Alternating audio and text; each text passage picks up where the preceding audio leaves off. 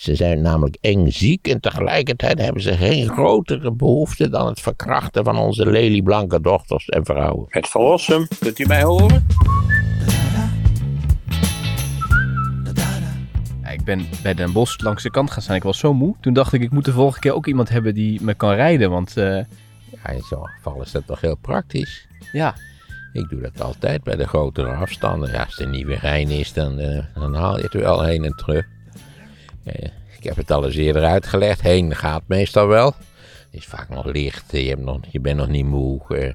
maar ja, als je dan eh, om 11 uur terugrijdt, in jouw geval dan nog iets later, dan is het wel prettig als iemand anders je rijdt. ja.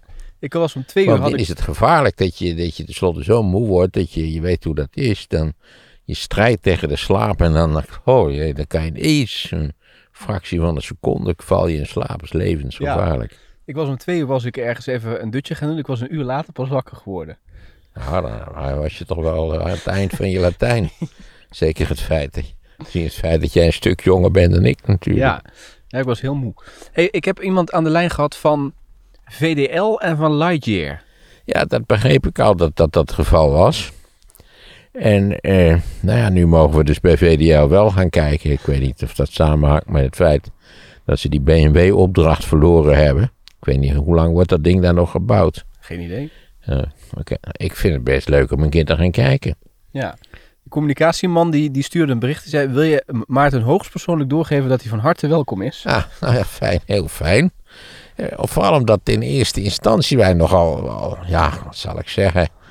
eh, Onheus is niet het juiste woord, maar we werden vrij bot geweigerd. Zo van, eh, een beetje een raar idee, we hadden daar niks te zoeken. En, vooral omdat ze bij Dame Shipyard zo, zo enorm uitnodigend waren. En alle zeilen hadden bijgezet om ons een interessant bezoek te leveren. Dus dat hebben we toen ook aangebracht daar. Daar was ik heel tevreden mee. Ik was simpelweg geïnteresseerd in de. Eh, omdat ik gelezen had dat dit een van de hoogst gerobotiseerde fabrieken van Europa was. Hoe het daartoe ging. Hè. Eh, ten meer omdat ik eh, vaak heb gezegd dat er in onze samenlevingen. Nou, kijk naar de talkshows. In feite geen enkele interesse is in het productiesysteem waar we allemaal afhankelijk van zijn. Hè. Namelijk het unieke productiesysteem wat we gecreëerd hebben, waarbij een groot deel van die productie eh, door robots of, of zeer complexe machines verricht wordt. Dat blijft voor mij zo'n wonderlijke zaak dat, dat in deze samenleving, niet waar, dat, dat techniek, nou ja, heb je, kun je herinneren dat in, in een van onze talkshows regelmatig over techniek wordt gesproken? Over productiebedrijven? Nee. Eh, nee, totaal niet toch? In het onderwijs wel, kan ik me herinneren. Oh, nou, niet in het onderwijs dat ik genoten heb in ieder geval. Daar ging het, eh, ja, waar ging het daarover? Nou ja, wij leerden de traditionele vaardigheden. Niks ten kwade van het traditionele onderwijs, want dat werkt in allerlei opzichten beter dan het huidige onderwijs. Eh, dus ja, ik, dat, ik heb dat altijd interessant gevonden om zo'n fabriek te bezoeken. Ik vind dat alle Nederlanders ooit zo'n fabriek moeten bezoeken. Om iets te begrijpen, nietwaar, van, van het, de ongelooflijke complexiteit van productieprocessen in de industriële samenleving. Nou hebben we er gelukkig nog eentje nu. Want dat wordt allemaal naar het oosten natuurlijk verplaatst. Nou, dat, dat is nou bijvoorbeeld een hoogst interessante vraag. Omdat dat natuurlijk afhankelijk is van de hoeveelheid menselijke arbeid die, die gevraagd wordt als input. En hoe duur die menselijke arbeid is. Maar als, er zijn ook factoren die je kunnen doen besluiten om die productie in feite hier te laten plaatsvinden. Dus laten we zeggen dat arbeidskosten niet veel meer zijn dan, dan 8, 9 procent van de totale productiekosten. Dan ben je meer geïnteresseerd in stabiliteit, goede infrastructuur, behoorlijke wetgeving, behoorlijke regelgeving in algemene zin. Niet waar? Dan wanneer je bijvoorbeeld, wanneer de arbeidskosten, zoals bij veel textiel, in, in veel hoger en hoger liggen. Want dan is het de moeite waard om, het, om de arbeidskosten te drukken in de derde wereld te laten plaatsvinden. Zo is de Chinese industrie groot geworden. Die probeert natuurlijk nu de sprong te maken naar een, een veel complexere eh, vorm van productie. Maar goed, dus als, de, als de arbeidskosten laag liggen, dan kun je dat werk net zo goed hier laten doen dan in Shanghai. Dat, dat, eh, Er zijn wel plannen voor. Hè? In de nieuwe economie willen ze niet de arbeid belasten, maar de Nou materialen. ja, ik las laatst een stukje en ik kan me daar wel iets bij voorstellen. We worden nu geplaagd door een enorme tekort aan chips in de wereld. En nou ja, het blijkt natuurlijk in feite dat er in Europa eigenlijk heel weinig zelfstandige chipproductie is. Want dat is allemaal vertrokken naar het Verre Oosten. En, nou, we kennen allemaal dat verhaal over dat fantastische bedrijf op Taiwan. Wat bovendien natuurlijk nog in de schaduw ligt, niet waar, van het eh, onaangename gedrag van het huidige China. Dus ja, misschien dat je dus ook zegt, nou ja, uit puur strategische overwegingen zou het misschien handig zijn om een eigen chipindustrie op te bouwen. Waar, nou, ik denk in feite de arbeidskosten nou niet zo verschrikkelijk hoog zijn gezien eh, ge- gemeten naar de totale kosten Ja. van het productieproces. De machines hebben we al. Ja, we, hebben, nou we hebben machines waarmee je chips kunt maken. Ja, maar dan heb je dan weer nog dan heb je een aparte chipproducent nodig. Die chips moeten ontworpen worden enzovoort enzovoort. Hm. Dan was het grappig dat dus VDL zich meldde. En op een gegeven moment eh besteedde BNR daar aandacht aan. Die hebben de autoshow.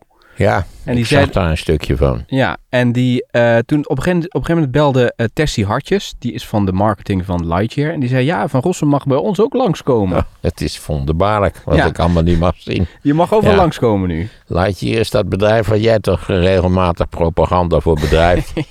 En waar ze een, een op zonne-energie rijdende auto produceren die naar, ik begreep, 150.000 euro gaat kosten. Ja. Ja, dat, dat... Kijk, je moet die dingen wel redelijk betaalbaar weten te produceren. Hè? Nu eindelijk beginnen elektrische auto's die gek genoeg veel simpeler zijn dan auto's met een verbrandingsmotor. Er zitten veel meer, meer, eh, meer minder eh, ingewikkelde onderdelen in. Maar ze zijn nog steeds aan de prijzige kant. En er is ook bij mij is er een grote tweedehandsmarkt ondertussen in elektrische auto's. Dat is niet mijn indruk. Eh, maar goed, de, de, de, de, Tesla, de Type 3, was eigenlijk een van de eerste waarbij je zegt, nou, daar is een redelijke prijs-kwaliteit verhouding. Vooral als je dat met al die aftrekregelingen en, en, en BV-kunstjes en al die andere flauwekul die in Nederland ingezet kan worden om de, om de belastingen te ontwijken. Dus dat, en, en ja, ik denk dat nu de goedkoopste Volkswagen, de ID3, het simpelste model. Maar dan zit je al heel gauw in met beperkte actieradius. Ja, ik als, als bejaarde veelrijder heb niet veel met, dat, met die beperkte. Als, het- als het een beetje koud wordt. En dan zit je, zit je op 275 kilometer actieradius. Maar waar moet je naartoe rijden? Nou ja, ik kom regelmatig in Bellingwolde en in dat soort van plekken. Hè, om lezingen te houden of op, in het theater op te treden. En, en dan, dan blijkt Nederland een groter land te zijn dan je wel denkt. Eh, je, je zit zelf net te piepen over Venlo. Hè? Hallo. Ik zou zeggen, Venlo heen en weer, dan zit je ook al gauw boven de 200 Ja. kilometer. Dan red je niet met een elektrische auto. Nou, niet in Zonder de te winter. laden. Niet in de winter. En, en bovendien, je kunt onderweg wel laden, want er zijn tegenwoordig vrij veel laadpunten. Maar met, met, met, de, met de vorige, er zijn tegenwoordig betere technologie beschikbaar.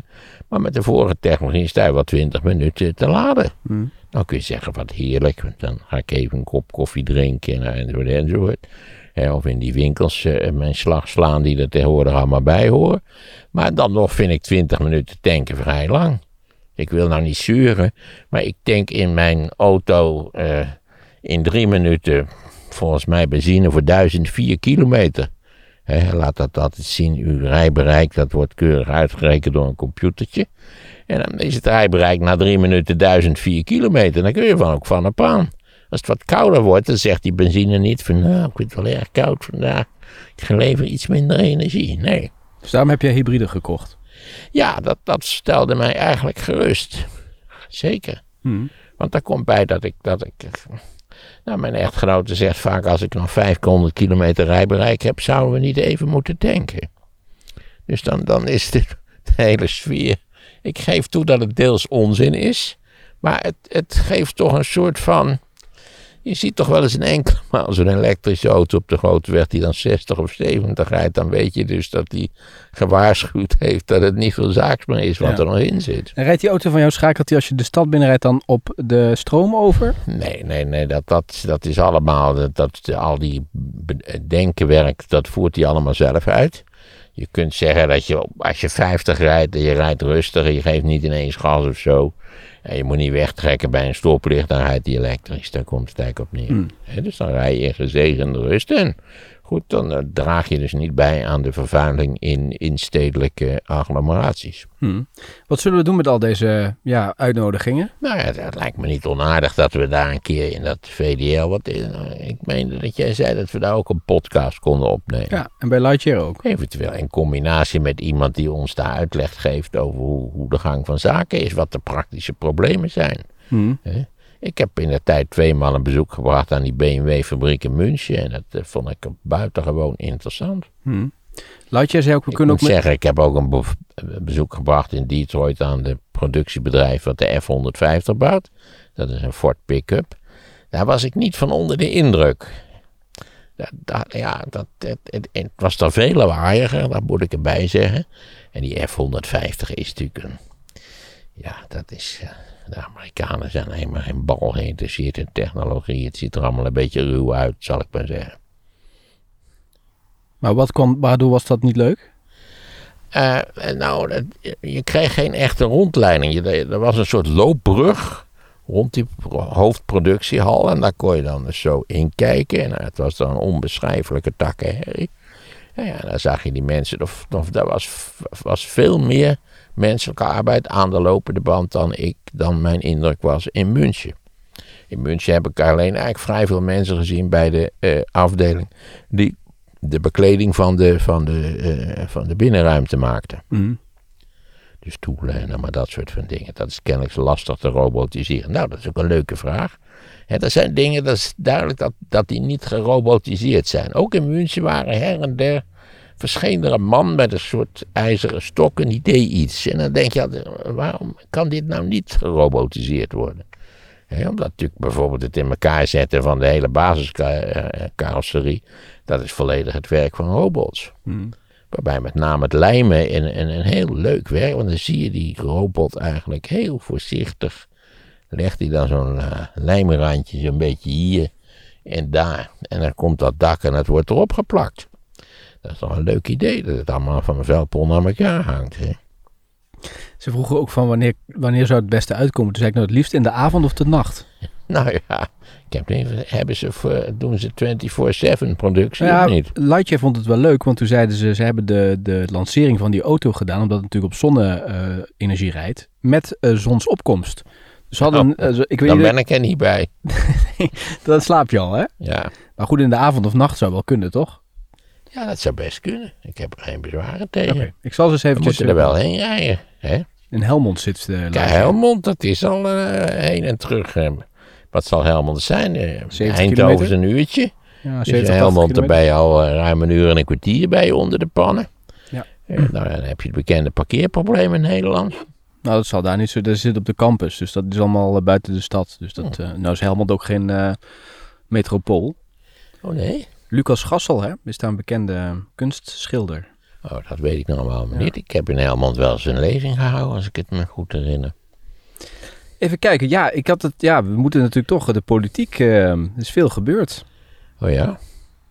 Nou, eigenlijk niet, want we zijn nog steeds op hetzelfde punt. Nou, volgens mij zit er weinig vaart in de, in de formatie. Of ik moet me wel heel erg Nee, vergissen. dat klopt, daar heb je helemaal eh, Ja, die linkse lui zeggen dat ze elkaar vast zitten houden. En dan tegelijkertijd zeggen ze ja, maar de fracties vo- voeren we niet, komen niet samen. Wat natuurlijk, ja, voor een formateur ook een beetje een bericht is van ja, we onze gezamenlijke onderhandelingen. Daarna kunnen we niks meer beloven. Dat vind ik een beetje raar. Ook weinig consequent eerlijk gezegd. Dus eh, we moeten even afwachten hoe zich dat gaat ontwikkelen. Maar ik heb van Rutte en, en, en Wopke nog helemaal niet gehoord dat ze bereid zijn nu serieus te gaan onderhandelen met ook de linkse partijen. Nee, ze willen niet. Nee, dus ze zeggen alsmaar dat was het ook weer een wolk van linkse gedachten of zo. Wat ook nogal, zeker ten aanzien van de Partij van de Arbeid, nogal ondankbaar is als je denkt, niet waar, hoezeer Rutte eh, intensief gedurende vijf jaar heeft samengewerkt met de Partij van de Arbeid en Rutte 2.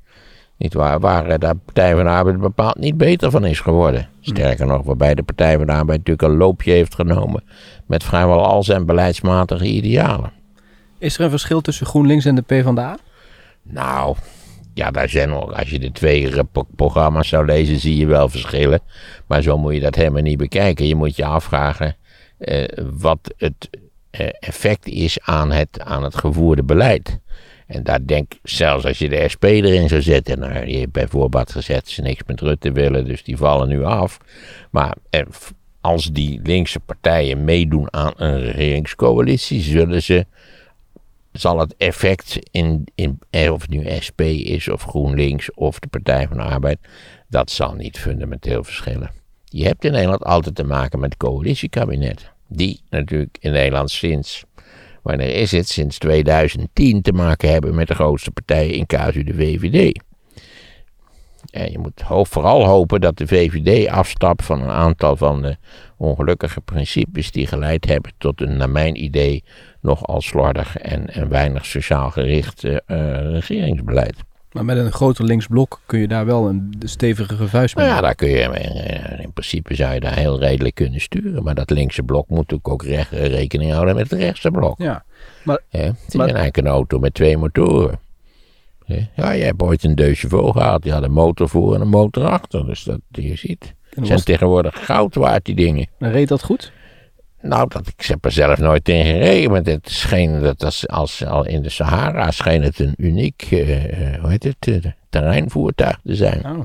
Ik heb er laatst eens in staan. Daar heb ik een bezoek gebracht aan een bedrijf waar ze, waar ze zeg maar interessante tweedehands, nee niet tweedehands, natuurlijk klassiekers verkopen. Hartstikke leuk. Ding zag er tip-top eh, tip-top uit. Mhm. Dus het kan. Twee motoren, het kan. Daar is wel 80% van de PvdA-mensen, leden zegt, nou, zo'n fusie op termijn, dat is, dat is helemaal niet zo'n slecht idee met GroenLinks. Nee, dat vind ik ook. Wat mij betreft eh, wordt een dergelijke fusie tot stand gebracht. Je kunt je afvragen of je door de fusie niet nog minder stemmen krijgt dan je met z'n tweeën krijgt. Dat is ook wel. Ik vind ook wel dat de SP daarbij betrokken moet worden. Nogmaals, die heeft op eh, gemeentelijk niveau, volgens mij ook met de VVD, heel, heel vruchtbaar samengewerkt. Ja. Dus waarom zou dat niet kunnen op het landelijk niveau? Is GroenLinks wat elitair, eh, elitairder dan de PvdA? Nou, ze zullen een iets andere nadruk hebben op een aantal punten. Misschien dat ze nog iets meer aandacht besteden aan het groene bestaan en eh, de groene idealen. Nou ja, dat is verder. eh, daar heb ik verder geen enkel bezwaar tegen. Ja. Nogmaals, het gaat uiteindelijk om een resultante van beleid die het gevolg is van de samenstelling van de coalitie. Waarbij je vooral moet oppassen, maar dat geldt voor eigenlijk iedereen, dat je niet door de VVD laat inpakken met die ongelukkige ideeën, niet waar, die in de afgelopen decennia geleid hebben tot een, eh, nogmaals, ongelukkig en in allerlei opzichten asociaal beleid. Mhm.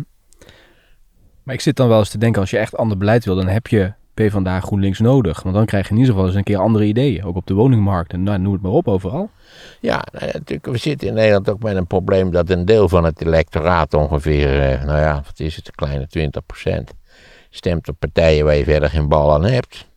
Die wel veel lawaai maken, maar ja, die, waar, die beleidsmatig totaal oninteressant zijn. Die niets bijdragen aan de besturen van een land eh, op een verantwoordelijke, verantwoordelijke wijze.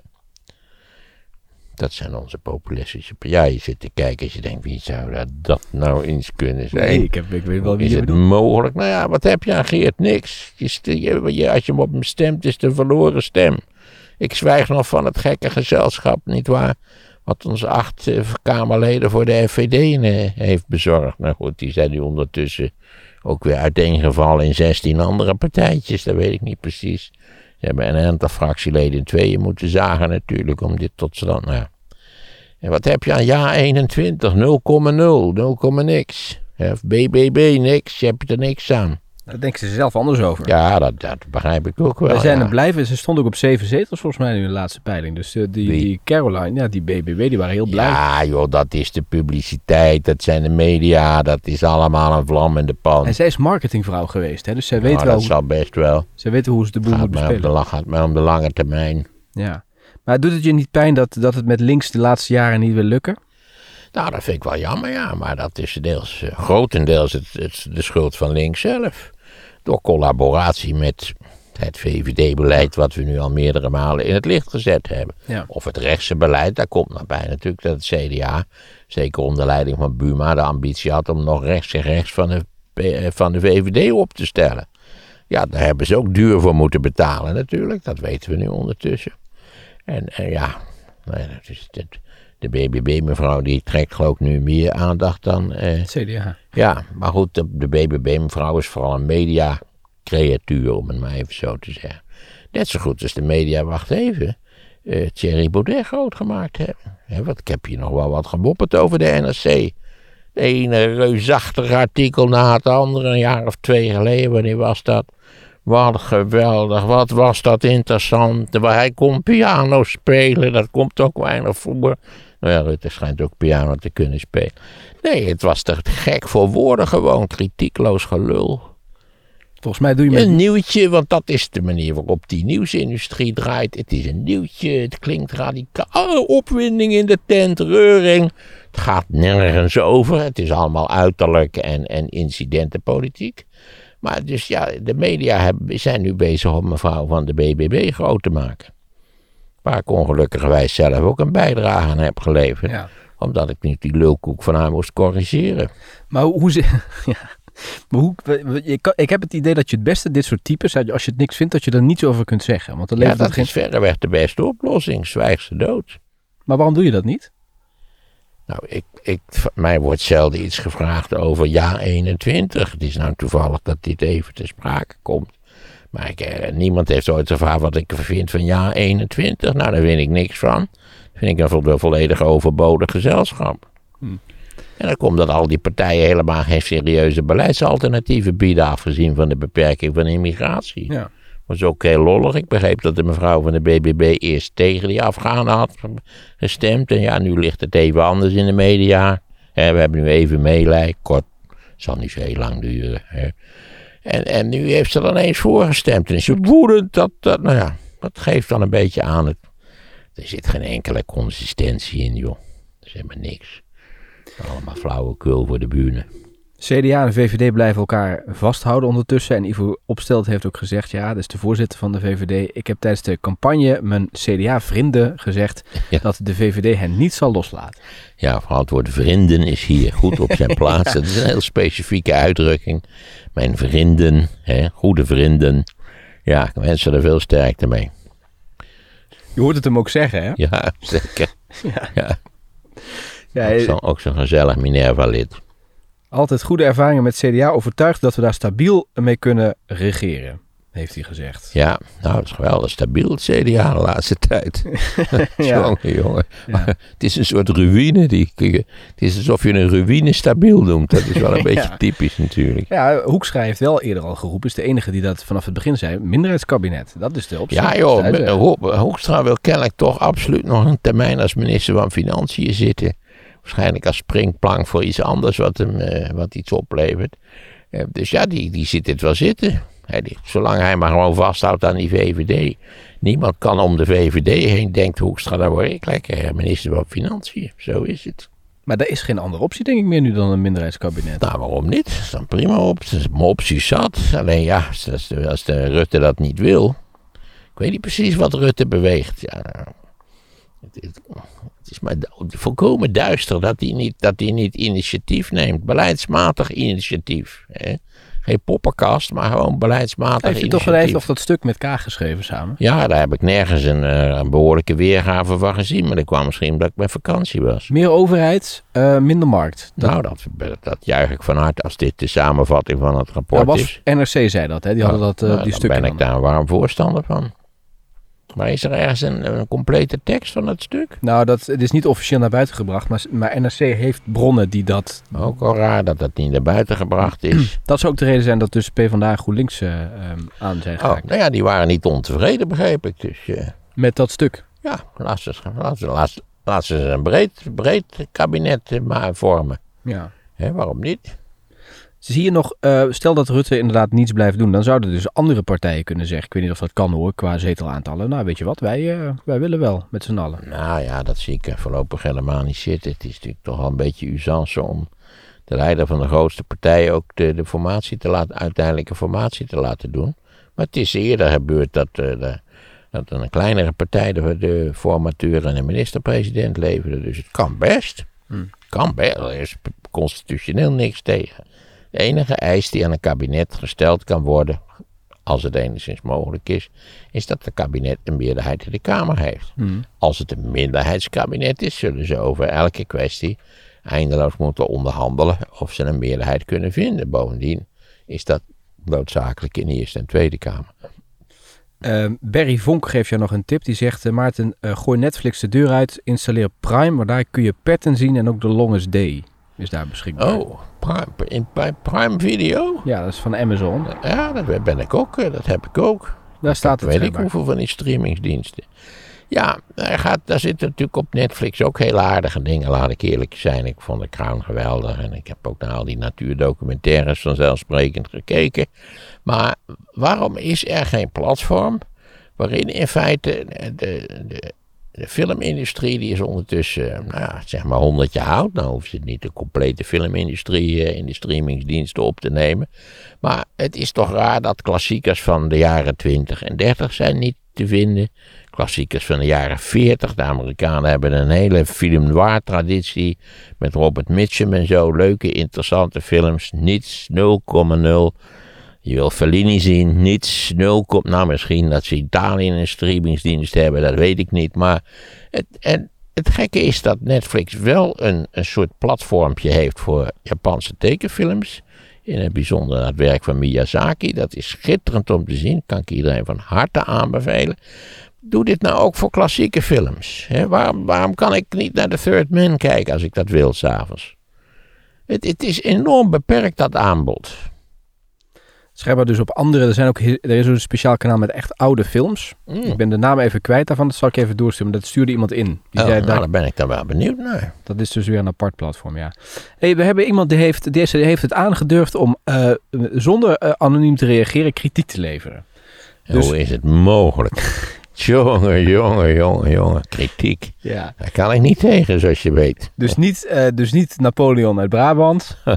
Precies. En, ook niet. Wat heeft hij te melden? Nou, ik wil ook even zeggen, als je bijvoorbeeld zegt: Ik ben J. Palme uit Groningen. Dat vind ik ook redelijk anoniem. Want ja, J. Palme, dat kan natuurlijk iedereen zijn. Dat kan Jos zijn, dat kan Johan ik zijn. heb al vaak genoeg gezegd, het is ten aanzien van het internet zou het handig zijn als iedereen die daar zijn mening verkondigt of een boodschap brengt, dat hij gewoon zijn, eh, zijn eh, e-mailadres eh, daarbij Ja. zet.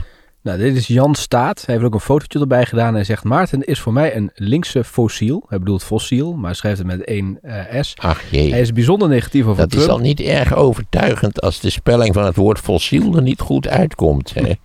Want Nee. zelf, hij heeft dus kennelijk, of hij weet niet hoe je fossiel spelt, wat al vrij pijnlijk is. Of het is een typo, dat kan ook. Dat kan, maar dan heeft hij zijn eigen boodschap niet teruggelezen. Wat duidt op haast en onzorgvuldigheid. Eh, Maarten is bijzonder negatief over Trump, terwijl Biden als de nieuwe Messias wordt gezien. Bah, zegt hij. Zit toch niet te lullen, meneer. Lees nou eens wat, wat ik erover gezegd heb. Ik heb nooit van mijn hele leven gezegd. Ik was heel kritisch over Biden, zeker in het begin. Biden verraste mij ten aanzien van de binnenlandse politiek, ten aanzien van de buitenlandse politiek. Heb, al heb ik op allerlei punten kritiek uitgeoefend op Biden.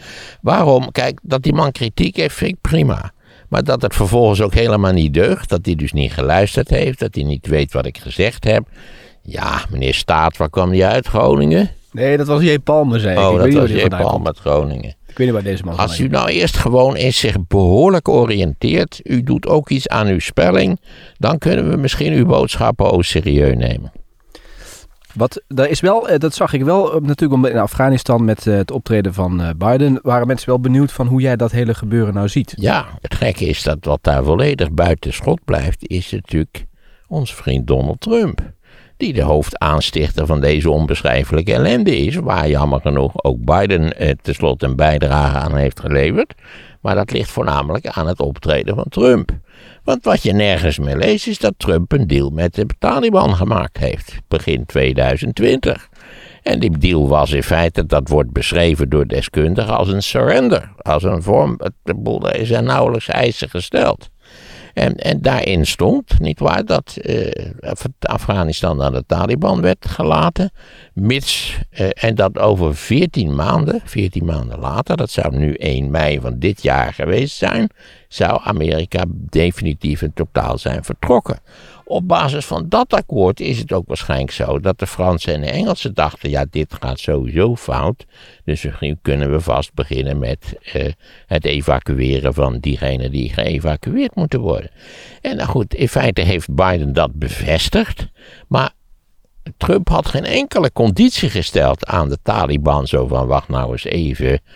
Misschien moeten we bijvoorbeeld uh, Kabul nog een tijdje uh, als een soort van neutraal terrein beschouwen. Nou, het enige wat ze moesten beloven was dat ze Amerikaanse troepen of andere eenheden die zouden aanvallen. Maar nogmaals, het werd beschreven in de pers als een surrender. Dat deze hele deal volledig uit het zicht verdwenen is, geeft alweer aan dat we altijd bezig zijn met de politiek van de dag. Want je weet, dat is mijn theorie over de journalistiek. De journalistiek vindt de hele wereld elke week opnieuw uit. Ook als je dit vertelt, zeggen ze, oh ja, dat zijn we helemaal vergeten. Moe, echt waar. Ook de echte serieuze journalistiek. Nou, die had ook al iets meer aandacht aan kunnen besteden, ja. En vervolgens ja, heeft Biden zich verkeken, en kennelijk ook zijn militaire deskundigen, op het feit dat, dat die Taliban, eh, dat die opmars van die Taliban veel sneller zou verlopen. En dat veel, veel meer mensen, niet waar ze, ze wilden verdwijnen uit Afghanistan. En vervolgens die, die, die, die basis bestormd hebben.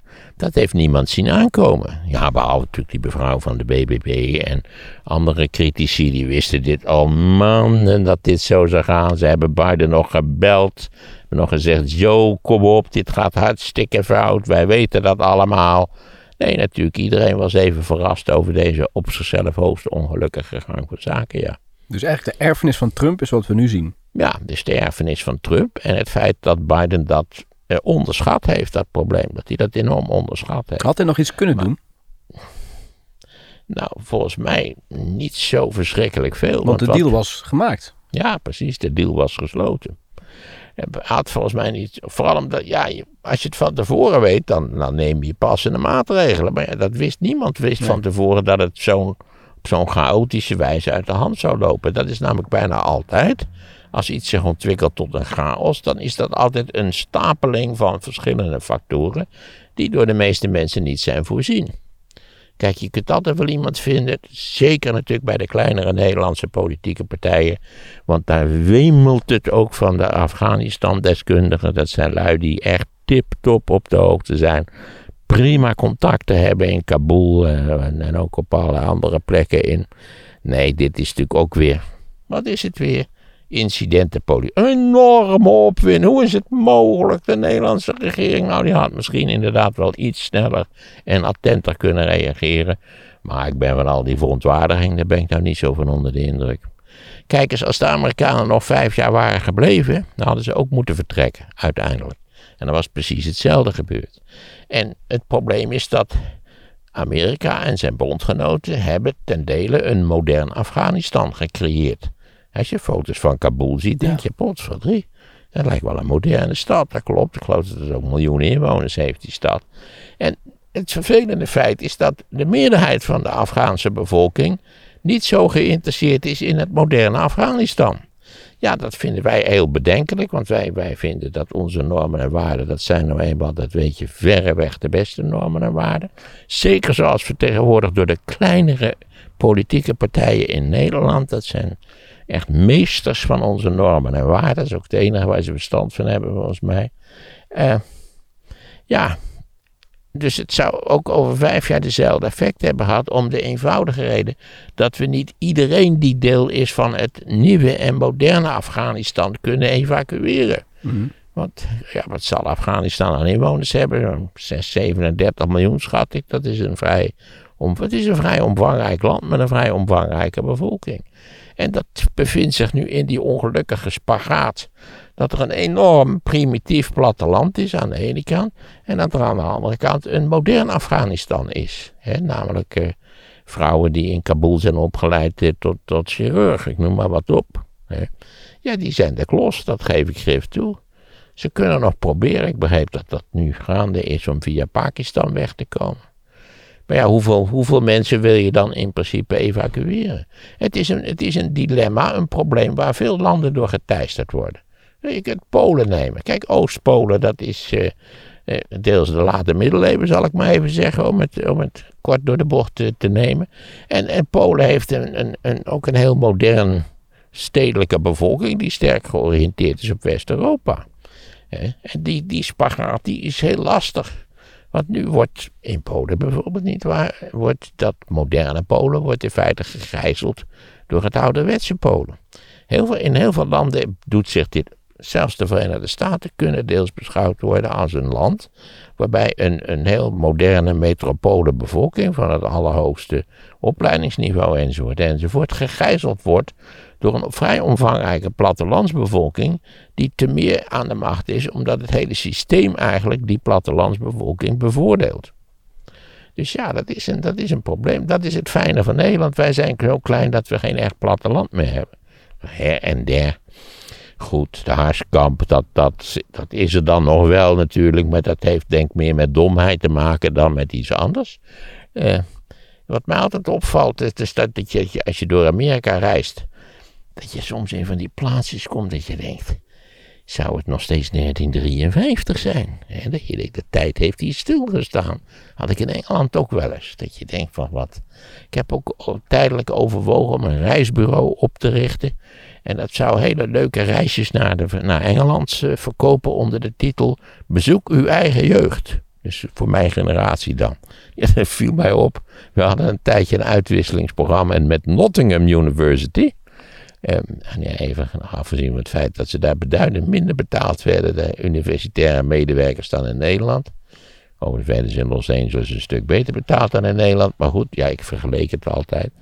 Um, en dat ik in Nottingham toch vaak dacht van, hoe is het mogelijk? Dit zijn de jaren 50. Ze hebben nog jurken aan van de jaren 50. Je ziet allerlei auto's rijden uit de jaren 50. Jongen, Holsten, nog een Morris. En, ja, en er was er ook een markt op zaterdagmiddag. En er was daar zo'n zo, stand met dames die, die thee met, eh, met melk erin verkochten. Ja, dit was vandaar mijn idee. Bezoek uw eigen jeugd. En dat had ik ook wel eens in de Verenigde Staten. Dat je denkt, hoe is het mogelijk? Die, als je hier in die etalages ziet, dat, dat is eigenlijk... Eh, dan kun je zo een museum starten hier. Springfield. Om maar eens een praktisch voorbeeld te geven. Eh, dat wat volgens mij de hoofdstad van, uh, van Illinois is. Uh, ik ben even afgedwaald van mijn thematiek, maar mijn thematiek is dat je, dat je, dat je met die spagaat zit, dat er een hele moderne, modern hoogopgeleide stedelijke bevolking is en dat er tegelijkertijd nog een soort reusachtig achterland is wat, wat niet gemoderniseerd is. En waarom was de regering die daar zat niet in staat om dat bij elkaar te brengen? Nou, omdat die regering zo corrupt was als ook maar enigszins mogelijk was. Ik bedoel, dat, uh, ook, ook natuurlijk de leiding van het leger was zo corrupt als de pest, heb ik gelezen. Ik bedoel, ik, uh, ander stuk dan, dan die mevrouw van BBB en zo ben ik geen Afghanistan-deskundige. Uh, maar ik begreep dat ook, ook officieren die verkochten de spullen die ze van de Amerikanen hadden gekregen op de markt in plaats van ze aan de, aan de recruten door te geven. En natuurlijk wat altijd, denk ik, in een land als Afghanistan heeft meegespeeld, dat je wist, ooit vertrekken ze. Ooit gaan ze weg. Hè? Eigenlijk hadden veel mensen zich dat moeten realiseren en, en die hadden zelf misschien ook moeten vertrekken. Maar wat, ook als de Amerikanen nog vijf jaar gebleven waren, zou het vertrek precies even moeizaam en pijn Misschien niet in die chaos. Maar op zichzelf zou het vertrek even moeizaam en pijnlijk zijn geweest. Voor degene die in Afghanistan wel een gemoderniseerd leven leiden. Maar ja, er zijn gewoon heel veel mensen in de wereld die helemaal geen zin hebben om zo'n modern leven te leiden. Omdat ze bijvoorbeeld hangen aan traditionele religieuze en sociale opvattingen. Die vinden wij, wij vinden dat niks. Maar ja, zij vinden misschien onze opvattingen wel niks. Dus die regering die daar zat, want die, die president die is ook meteen Die deugde voor geen meter, dat was al jaren het geval. We hebben het toch, meen ik, vorige keer al geconstateerd. Ik heb toen die, die Engelse bevelhebber, die zei in 2008, dit, die oorlog is niet te winnen, we moeten daar op een goede dag mee stoppen. En ongelukkigerwijs hebben ze nog eens een keer 13 jaar gewacht om dat te doen. Ik sta nog steeds volledig achter het besluit van Joe Biden om, om ermee te stoppen dat de afwikkeling daarvan een chaotische rommel is geworden, ja, dat is triest. Dus iedereen werd daardoor verrast. Nogmaals, even met uitzondering natuurlijk van de critici in Nederland, die die allemaal precies wisten dat dit eraan zat te komen. Ja. hè. Wordt het nu weer in Afghanistan zoals tussen 96 en 2001? Toen de Nee, dat denk ik niet. Er is natuurlijk toch ontzettend veel veranderd in, in Afghanistan. Wat, wat stond, stond ook weer? Ze zijn voorzien van modern internet. Dan denk je, ik weet niet of dat in alle denkbare opzichten wel zo verschrikkelijk fijn is. Ja, ik ben dol op de Wikipedia, dat heb ik vaak genoeg gezegd. En het is enorm handig als je een bepaald artikel zoekt dat bijvoorbeeld 12 jaar oud is. Dat is allemaal geweldig. Ja, de sociale media zijn natuurlijk wel een, een- ja, echt een, en niet, niet alleen in Nederland een ramp natuurlijk, maar zijn in bredere zin een maatschappelijke ramp van de eerste orde. Maar het onderwijs voor bijvoorbeeld voor, voor eh, meisjes boven een bepaalde leeftijd Nou gaat weet ik niet hoe dat zich zal ontwikkelen. Ik heb ook al eens eerder geconstateerd dat als ik in de ziel van de leiders van de Taliban zou kunnen kijken. Ja, ik wou niet, misschien kunnen we ook zo'n hele grote zwarte baard laten staan. Dat lijkt me wel wat. Ja, of zo'n raar petje opzetten. Ehm, ik heb geen idee. Eh, Je hoort daar tegengestelde berichten over. Zij zelf zeggen dat ze niet gaan afrekenen met. En dat ze, dat ze wel oog hebben voor. eh, en tegelijkertijd hoor je tegengestelde berichten dat ze her en der wel afrekenen.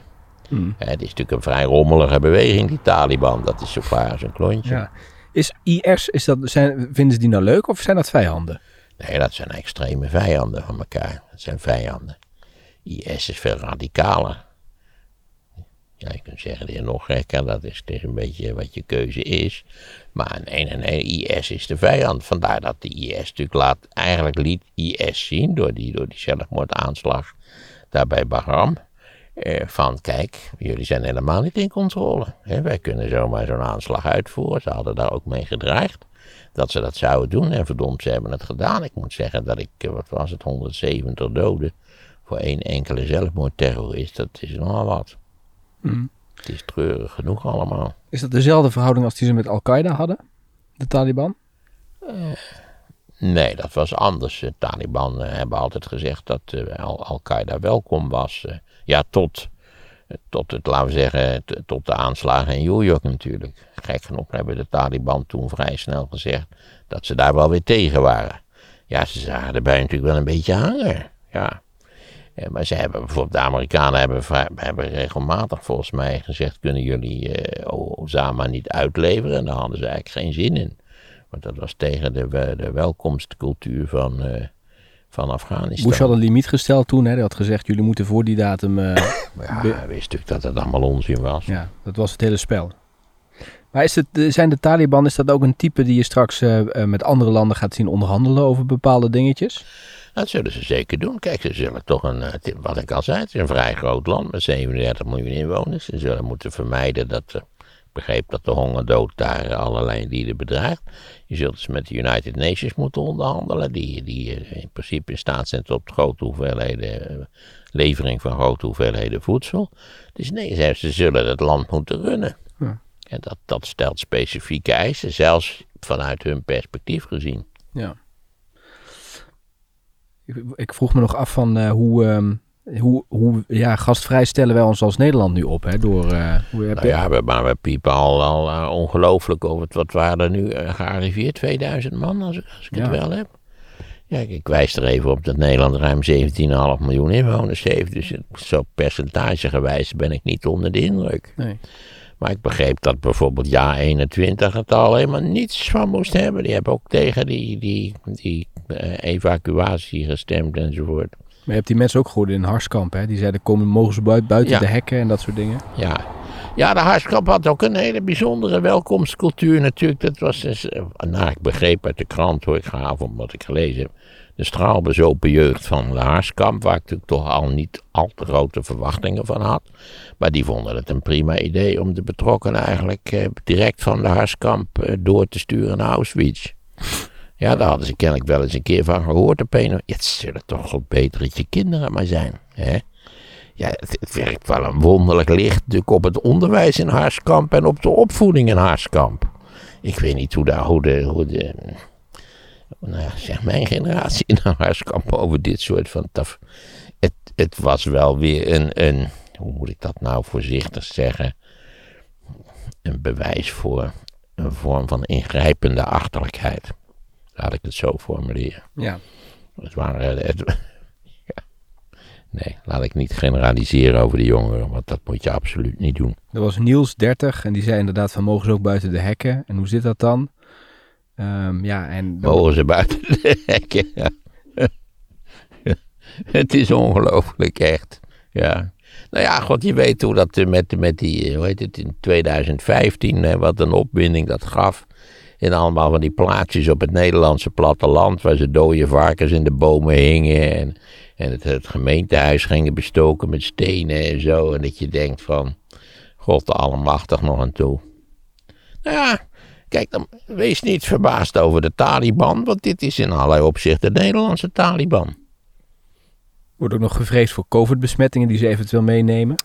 Dat is ook een klassieke topos, is dat vreemdelingen enge ziektes met zich meebrengen. Enge ziektes en verkrachtingen. Want hebben, ze zijn namelijk eng ziek en tegelijkertijd hebben ze geen grotere behoefte dan het verkrachten van onze lelieblanke dochters en vrouwen.